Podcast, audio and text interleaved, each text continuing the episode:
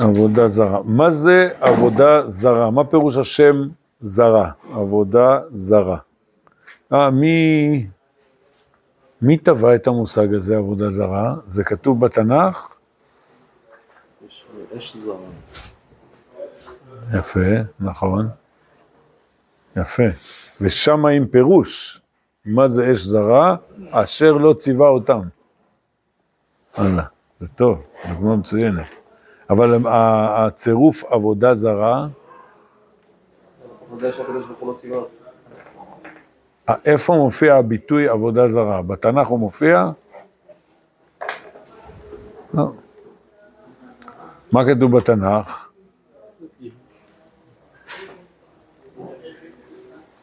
לא, עבודת גילולים? עבודת אלילים מופיע בתנ"ך עבודת אלילים? אבל עבדו אלילים, או עבדו אלילי נכר.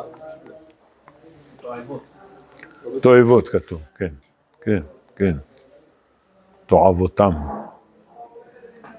ויעבדו אלוהים, אה, אה, מה זה אלוהים אחרים? אלוהים אחרים. אתם יודעים, היה פעם שר חינוך דתי.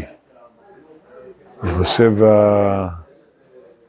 הסיסמה של החינוך בזמנו הייתה, האחר זה אני. אתם לא זוכרים. הייתם פטור, פטורים מזה. האחר זה אני. למה משמשת המילה אחר?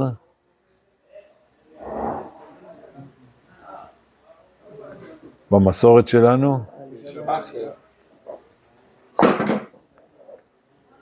כן. עוד? כן, אלישע בן אבויה. נכון. כן. לא אומרים את המילה הזאת. דובר אחר, כן? כן, כן. לא, זה המסורת, המסורת. נו, מה עוד? בדיוק, מצוין. כן, זה הראש לכולם. כן, מזה יוצא דובר אחר על המאכלות אסורות, ואלישע בן אבויה, כן. אבל הראש לכולם זה סטרא, מה זה? תרגום, סטרא אחרא, הצד האחר, כן. האחר כאילו, זה, זה כמו, זה כמו זר, זה לא שלנו. אה, אתה אומר, טוב, אז זה לא שלנו. זה יכול להיות של מישהו אחר? כן? כן? מי שזר פה במקום אחר, אולי הוא לא זר. במקום שלו הוא לא זר. כן. אלוהים אחרים. אה, מה דרשו על אלוהים אחרים? שאחרים עשו אותם אלוהים. זה הפשט. לא צריך דרש בשביל זה.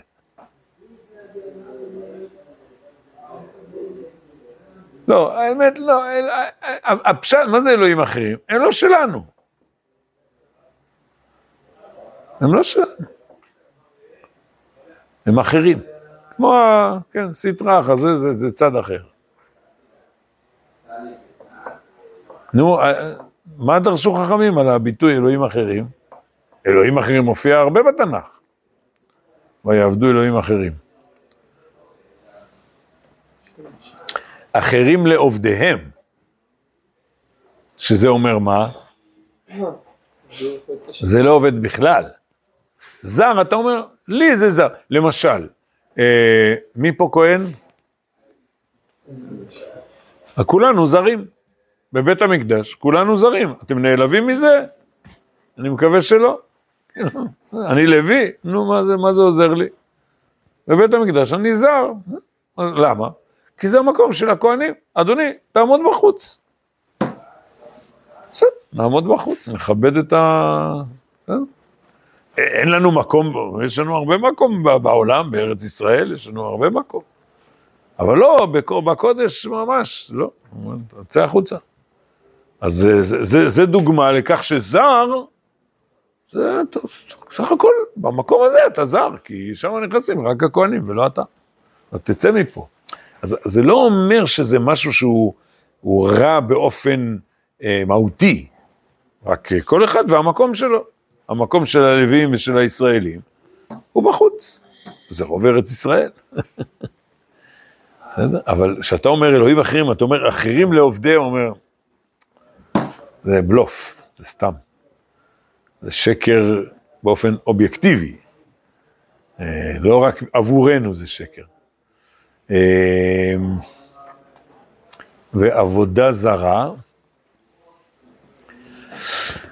טוב, אבל עבודה זרה באמת היא אסורה גם לבני נוח. אז, אז זה, זה דבר מוחלט. כן, אין, אין באנושות, אה, אלא מה, יש אומרים, מותר להם שיתוף. מותר להם, כמו שלמדתם אה, הלכות עבודה זרה ברמב"ם, ברמב"ם בהתחלה יש, יש תיאור איך העולם יידרדר לעבודה זרה. והרמב"ם אומר שבהתחלה זה היה שיתוף, כלומר, אה, רצו רק איזה אמצעי שאפשר דרכו לדבר עם האינסוף, הבלתי נתפס. כן.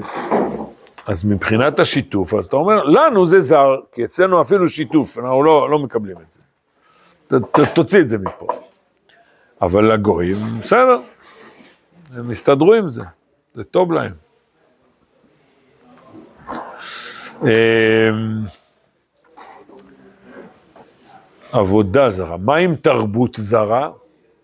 טוב, זה כבר ביטוי, מה, איפה יש ביטוי כזה? תרבות זרה, זה רק בימינו. זה ביטוי חדש. עכשיו, תרבות זרה, זה באמת יכול להיות שלנו זה לא מתאים, אבל לאחרים אולי זה בסדר. כן, בשבילנו זה לא... לאחרים זה יהיה... מועיל. כן, אומר הרב, כשם שמכירים תנאים אקלימיים, מסוגלים לבעלי חיים ולצמחים שונים. כן, יש בעלי חיים שמסתדרים בקוטב הצפוני. איך? הם, בנויים לזה. הם בנויים לקור הזה. אה, ולהפך, הם, תביא אותם לאזור הטרופי, ימותו שם. ויש כאלה שמסתדרים דווקא במקומות החמים. וגם צמחים, כן, יש צמחים מדבריים, יש צמחים... אה, אה תתפללו על האתרוג שלי. לא יודע, עץ אתרוג, שנה שעברה, מלא פריחה, אה, אתרוג אחד לא יצא לי. עכשיו עוד פעם, יש הרבה פריחה, אני מתפלל שיצאו אתרוגים. ודיברתי עם קרוב משפחה שהוא עסק בזה, אמרתי לו, תגיד, מה הסיפור? למה, אולי מחלה, אולי... מה, מה אני צריך לעשות בשביל...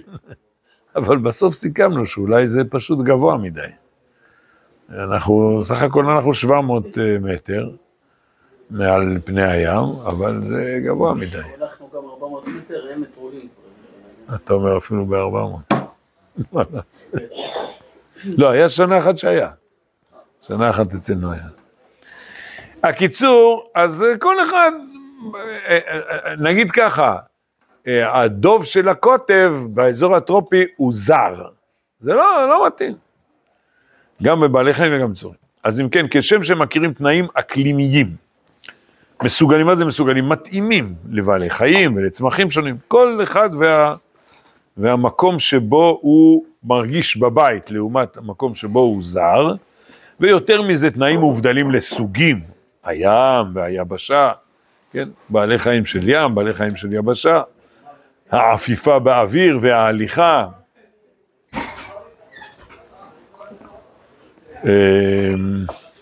ומי שמסוגל לאחד מהם, אם יחליף את תפקידו במה שמוזר לו, את נפשו הוא חובל. כן, הנה, כאן הוא אומר מוזר. אבל אה, כן, המילה מוזר היא נולדה מהמילה זר, זה זר לו. כן. אה, איפה כתוב בתנ"ך מוזר?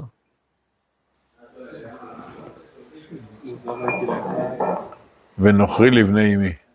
כן, איפה זה? תהילים או משלי? משהו כזה, באחד מהספרים האלה. אז אולי זה תהילים. כן, דוד המלך, כן. זה הכ- הכוונה זר. אז, אז את נפשו הוא חובל, זאת אומרת, זה, זה, זה פגיעה פנימית. ככה הם גם החילופים הרוחניים. אז אם כן, אה, אתה אומר, תסתכל, אתה רואה, ההוא יש לו פרווה, בעל חיים כזה, צמחים האלה, אלה העלים כאלה, אלה העלים כאלה, כן, כל אחד מתארגן לפי האקלים, אה, זה בצד הפיזי וגם בצד הרוחני. ככה הם גם החילופים הרוחניים. מה זה חילופים? כלומר, יש עולמות רוחניים שונים. מצד פנימיות ערכי החיים שלהם. בכל ספירה רוחנית יש צביוני חיים מיוחדים. ומי שלא מתאים, אז אה, לא מתאים.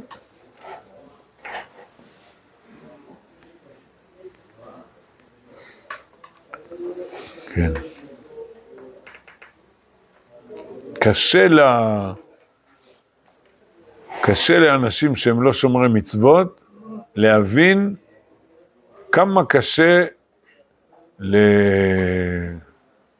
לאדם ירא שמיים בצבא. קשה להם להבין את זה. מה הבעיה שלך? אה, אוכל, הנה, הבאנו לך אוכל כשר. כן, הוא לא מבין את ה... אה, מה זה אווירת שבת, מה זה תרבות. מה מה הבעיה שלך? מה עשינו לך? מה... כן. אה, בכל ספירה רוחנית יש צביוני חיים מיוחדים. כל זמן שהדברים באים רק למגע של הכרה, אין הדבר חודר כל כך עד עומק החיים. תראו, אה,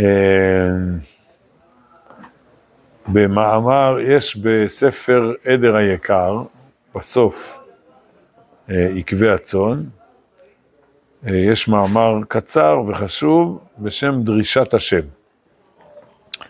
ושם הרב כותב בסוף שתלמיד חכם צריך לדעת מה שמחוץ לתורה, לא רק לדעת את התורה, אלא צריך לדעת מה שמחוץ לתורה. אתם יודעים, אה, אה, זה אחת החידות מאיפה הרב קוק שלט בפילוסופיה, במדעי הטבע, לא רק במדעי הטבע, בכל, בכל. הוא...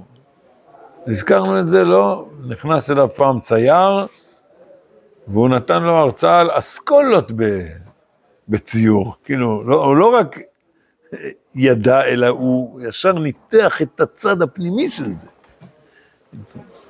זה חידה, מאיפה, מאיפה, מאיפה ידע את כל זה? איפה, אה, נגיד, באיזה שפה הוא קרא את זה? איזה שפות הרב קוק ידע? מה, מה, מה?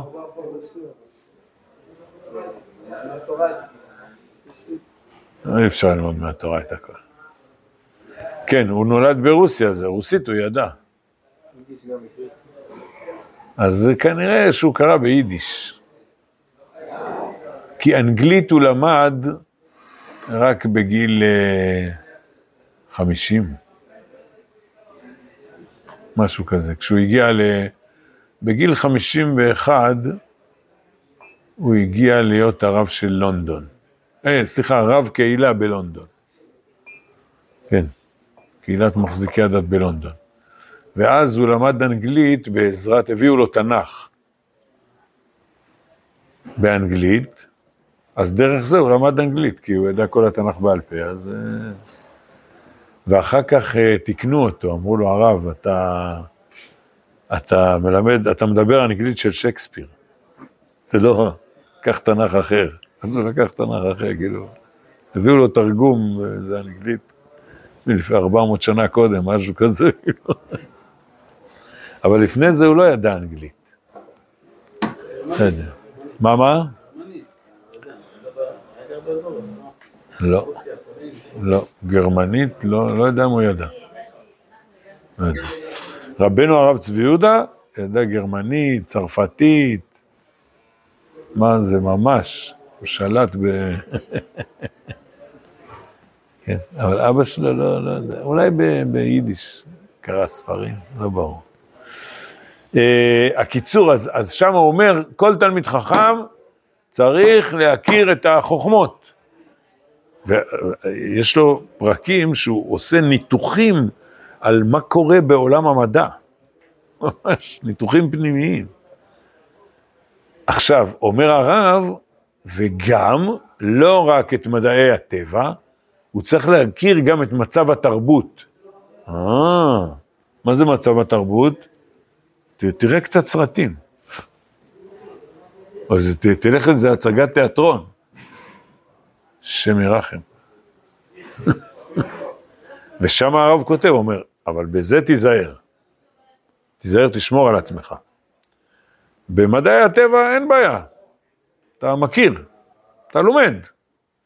אבל התרבות, מצד אחד, אתה צריך להכיר אותה, אתה צריך לדעת איפה אנשים נמצאים, מה מדבר אליהם.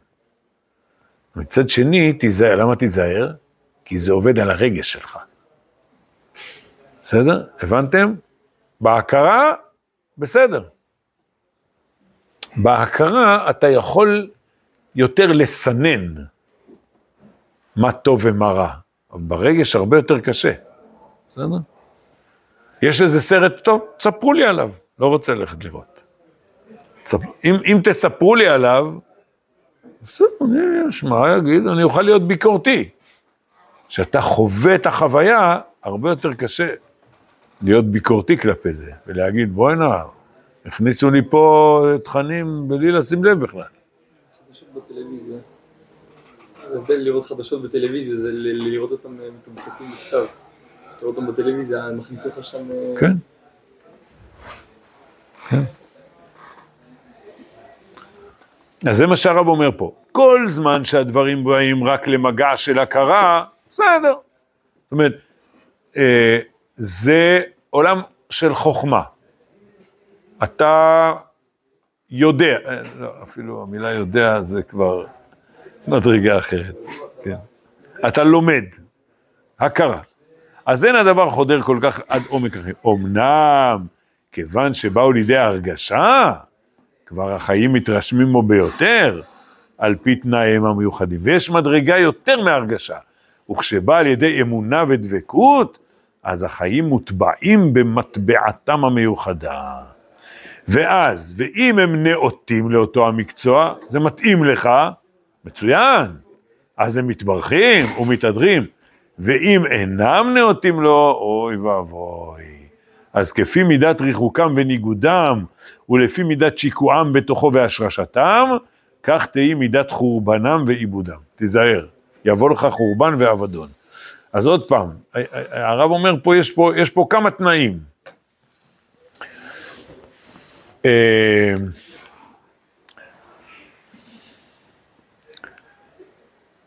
תגידו, זה טוב ללמוד אה, נצרות? אה, אתם יודעים, איזה אנשים דתיים לומדים נצרות? נגיד מי שהולך להיות מורה דרך. אז יש לו איזה קורסים, אומרים לו, טוב, נכנסים לכנסיות, למסגדים, צריך להכיר קצת את הרקע, הרב, מותר, מותר, לא, אל תיכנס לכנסייה, אסור. גם לא ללימוד, תעמוד בחוץ, בסדר? אז אם אתה, בוא, בוא נחווה איזה חוויה בתוך הכנסייה, אם לא רוצה. בסדר? אתם מבינים את ה... אתה קורא ספר על עקרונות הנצרות, בסדר. אמ, ה- ה- עוון ג- עוון גיליון, אתם יודעים מה זה? לא? תחליפו עין באלף. ארבעה. הבנתם? איך קוראים למייסד של הנצרות? ימח שמו וזכרו, ראשי תיבות. או קוראים לו אותו האיש. איך קוראים לכהנים שלהם? גלחים. בביזיון. אז לספר של, לתנ"ך שלהם שינו מאלף לעין, זה עוון גיליון. בסדר, הבנתם? אז מותר לקרוא בעוון גיליון? בוא נקרא, נלמד, אה, איך קוראים לגדוילים שלהם, חוץ מימח שמו וזכרו? איך, איך? שמות פרטיים. המייסדים, המייסדים. כן, ועוד? לוקה. כן, זה, זה, זה כמו הושע, להבדיל. הושע, עמוס, יואל.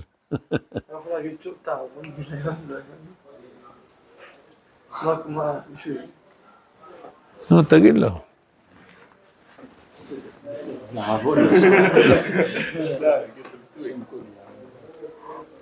אתם לא יודעים איך קוראים, הברית החדשה, איך, הם- קוראים לה? החבר'ה שם בארצות הברית, איך קוראים להם? אוונגליסטים. בסדר? אז זה על שם הספר שלהם. זה, זה במסכת שבת. חכמים קראו לזה, עוון גיליון.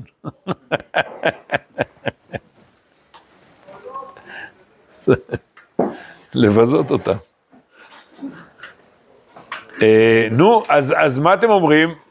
בואו נקרא את הספר שלהם ונראה את הסתירות הפנימיות שבתוכו, אה? מה אתם אומרים?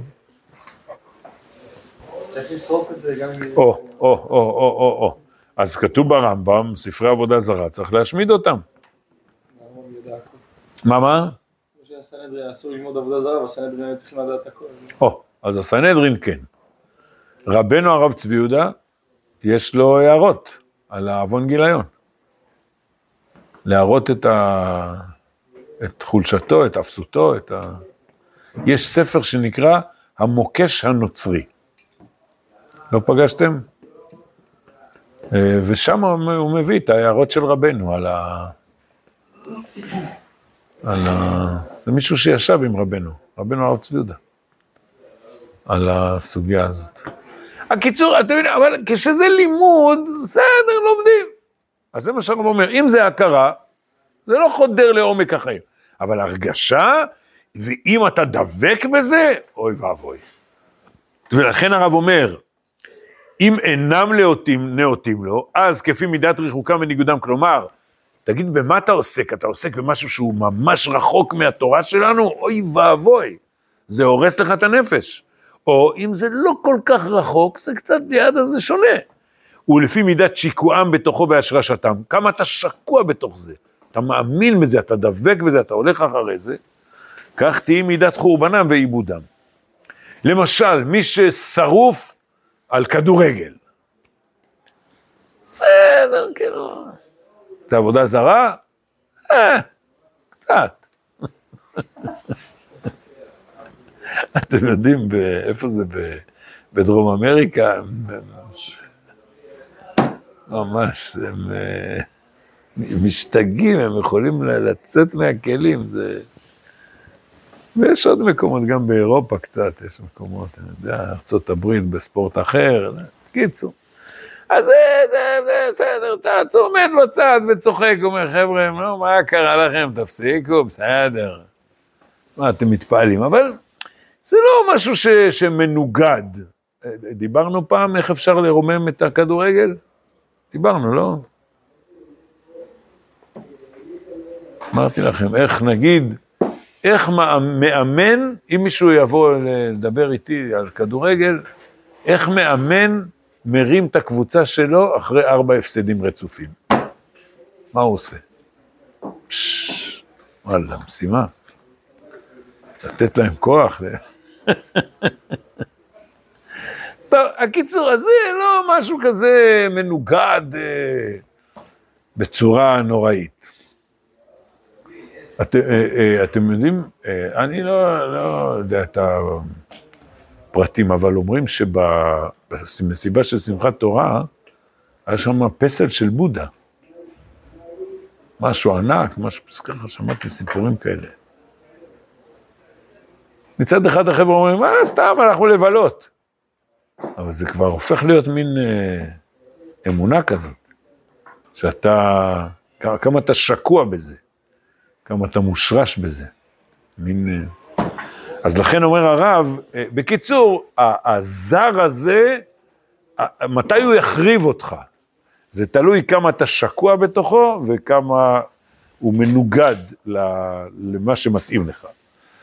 עכשיו תראו, עד פה השורות, כל מה שנכתב עד פה, זה נשמע אוניברסלי. כל אחד צריך לחפש מה מתאים לו ומה לא מתאים לו, ולהיזהר ממה שרחוק ממנו. ועכשיו, אה, הרב מביא את המקורות שלנו. זאת היא התכונה העמוקה של ההשתמרות מאישה זרה במובן הרוחני.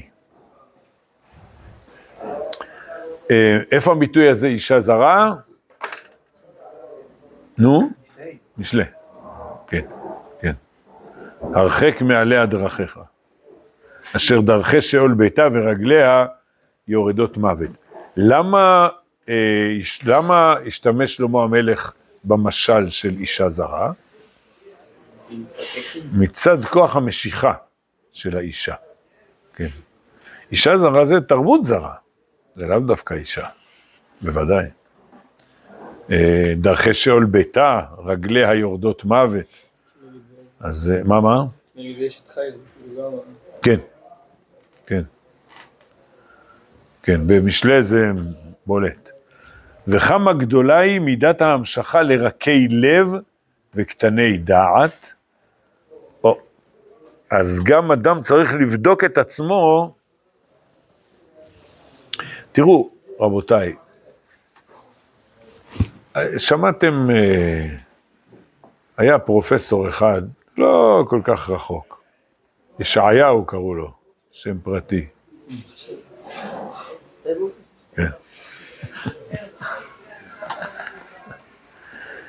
בקיצור, אני אמרתי, אולי פעם אחת נלך לשמוע אותו.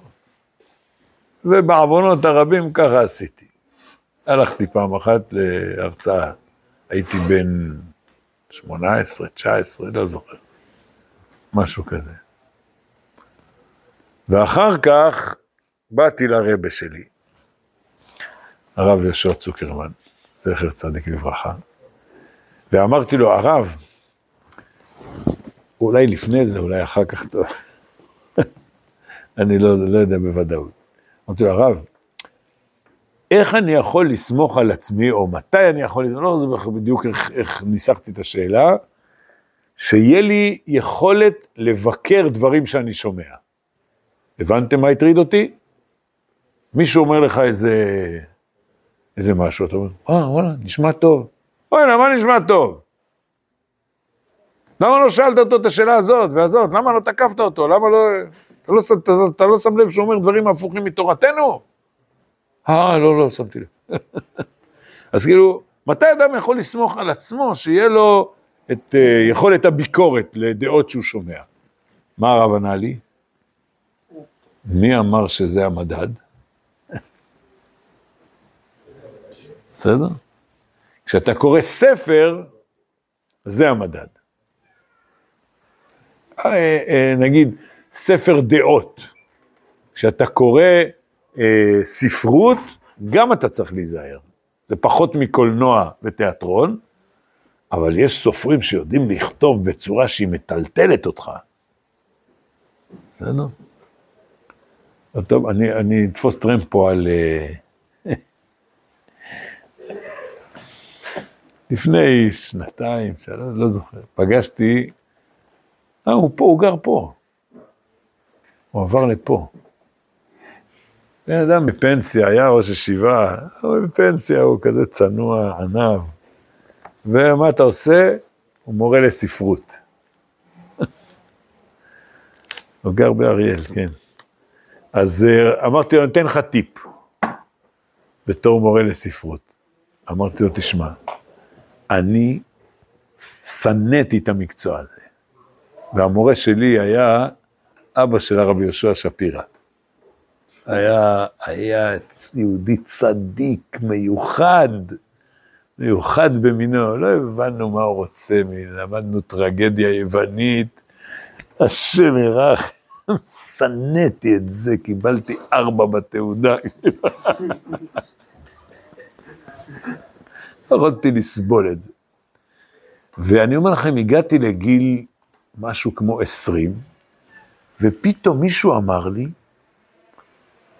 אתם יודעים מה זה גוליבר בארץ הגמדים? כולכם יודעים? אתה אחרי זה תעזור להם. אז אני זוכר את זה בתור ספר לילדים. מישהו אמר לי, גוליבר בארץ הגמדים זה מסה פילוסופית. אמרתי, מה? אה, הבנתי. זאת אומרת, יכול להיות פילוסוף, שהוא יביא לך את הפילוסופיה שלו בצורת סיפור, ואתה בכלל לא תרגיש, תרגיש סתם סיפור כזה של ילדים, ב, ב, ב, ב, ב. אני אומר לכם, זה עשה לי מהפך. מאז התחלתי לקרוא ביקורת ספרים בעיתונים. זה במדור, מי מסתכל במדור הזה? אמרתי, בוא'נה, תשמע, ספרות זה, זה כלי, זה כלי רציני, כלי חזק. אמרתי לו, למורה לספרות, קח, תספר את הסיפור הזה לתלמידים שלך, אולי ת, תעזור להם לעניין אותם. אצלי זה קרה שש שנים אחרי הזמן שהייתי צריך כן ללמוד, לא, לא, לא, לא. אה, אתם מבינים? אז יכול להיות שאדם אפילו, אפילו בכתיבת ספר, כאילו, אתה לא רואה שום תמונה. אבל הוא כותב את הספר בצורה כזאת שהוא, אה, אה, אה, זה יכול להיות אישה זרה. זה, זה עושה לך חוויה כזאת, וצריך זה, ואם אתה רך לב וקטן דעת, אז זה, זה סכנה. וכמה... אה, אה, אה. וסליחה, הנה, לא השלם, תודה שאתה עוזר לי. אז לכן, עצם העובדה שאתה בא ומקשיב לבן אדם, אתה כבר מתחבר אליו. בסדר? אתה בא, אם, אם אתה פוגש מישהו ואתה צופה במישהו ברחוב, מישהו אומר משהו, טוב, אתה צופה מהצד. אתה בא להקשיב לאדם שמרצה, אתה כבר הורדת את הראש כלפיו. פעם אחת בישיבת הגולן, ראש הישיבה נתן לפרופסור אחד לדבר עם כל התלמידים בבית המדרש. זה הרגיז אותי. הייתי רם בישיבה, זה הרגיז אותי. אני ישבתי בצד, נגיד הוא עומד פה מול כל התלמידים, אני יושב בצד, ככה.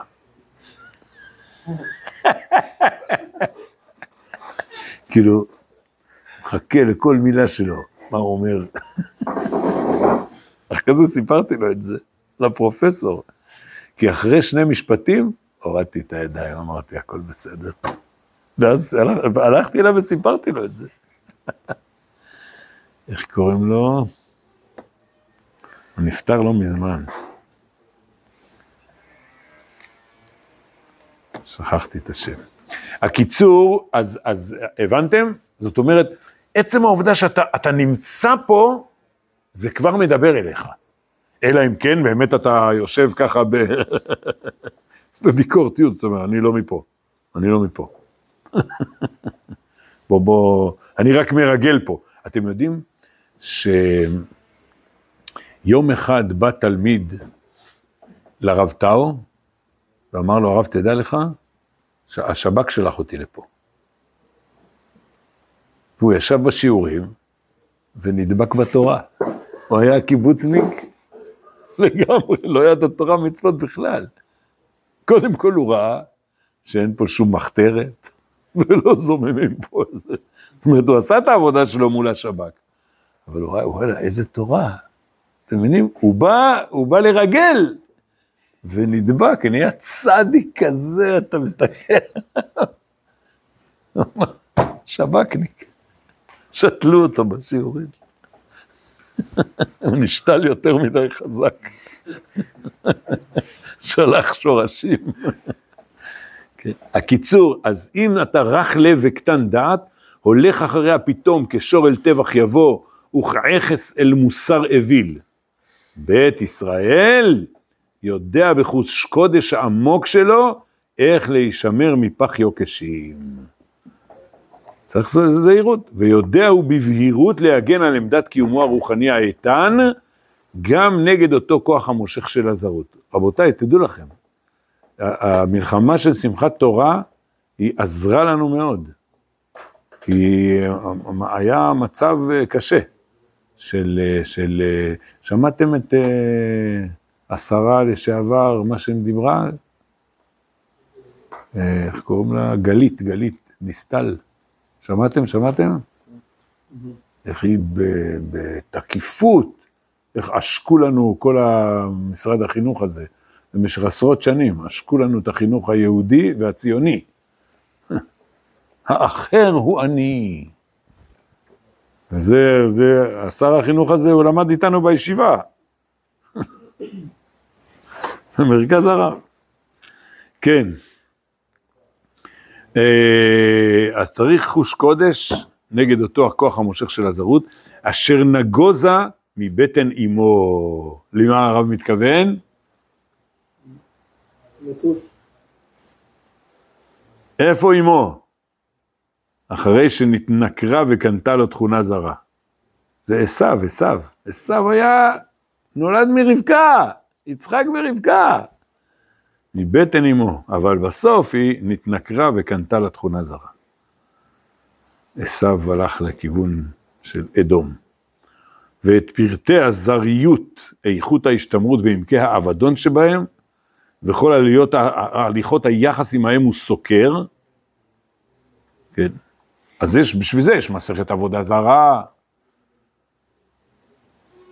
ומסכת עבודה זרה עוסקת בהלכות, אבל צריך להוציא מתוכה את החשבון הרוחני. והם בספרתו, מה זה בספרתו?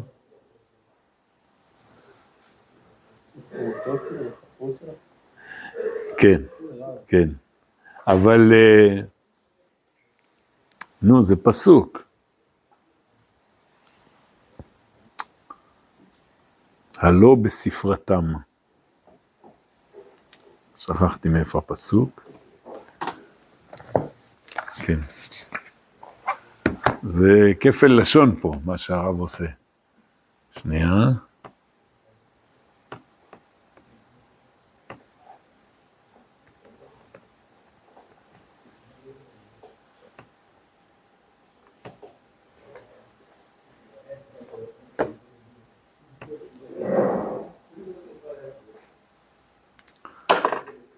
טוב. לא יודע, לא מצא, אני לא מוצא שזה פסוק. מה יכול להיות? חסר לי יוד, ספרתם.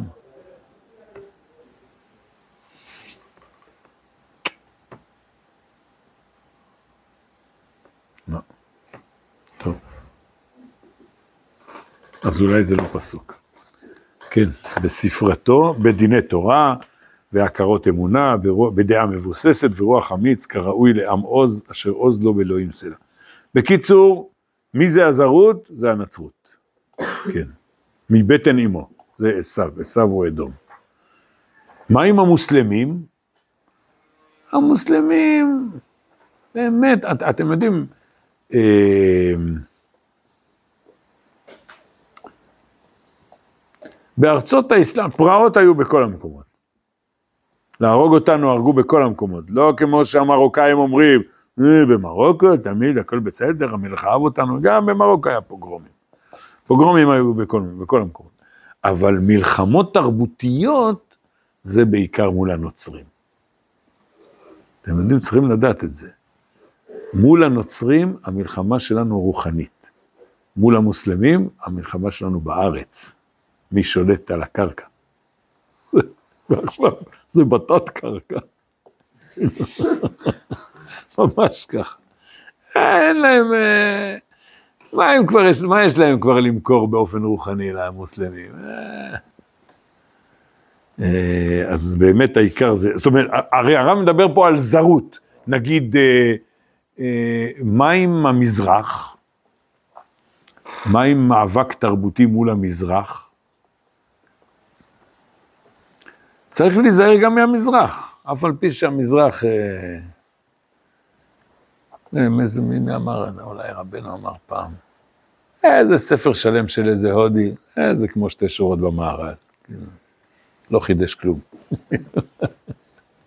כן, אבל האסלאם יש הרבה מה להציע, כאילו, הוא, יש תהליכי אסלאמיזציה בכל אירופה, כאילו, כובשת את הרצון. תרבות, תרבות, רוחניות. אז מה אם הם כובשים?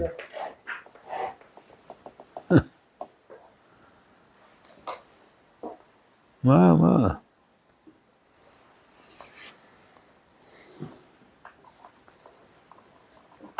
מה זה השנאה של המוסלמים למערב? הפסיכולוגים אומרים, תראו רבותיי, לפני, איפה, היו, איפה היה האסלאם לפני אלף ואלף מאתיים שנה? הוא היה פסגת התרבות. בבגדד היו המתמטיקאים, הפילוסופים, תלמידים של אריסטו. האסלאם היה ממש, שאירופה הייתה ב- ב- בימי הביניים. הכל קפוא שם, הכל דפוק.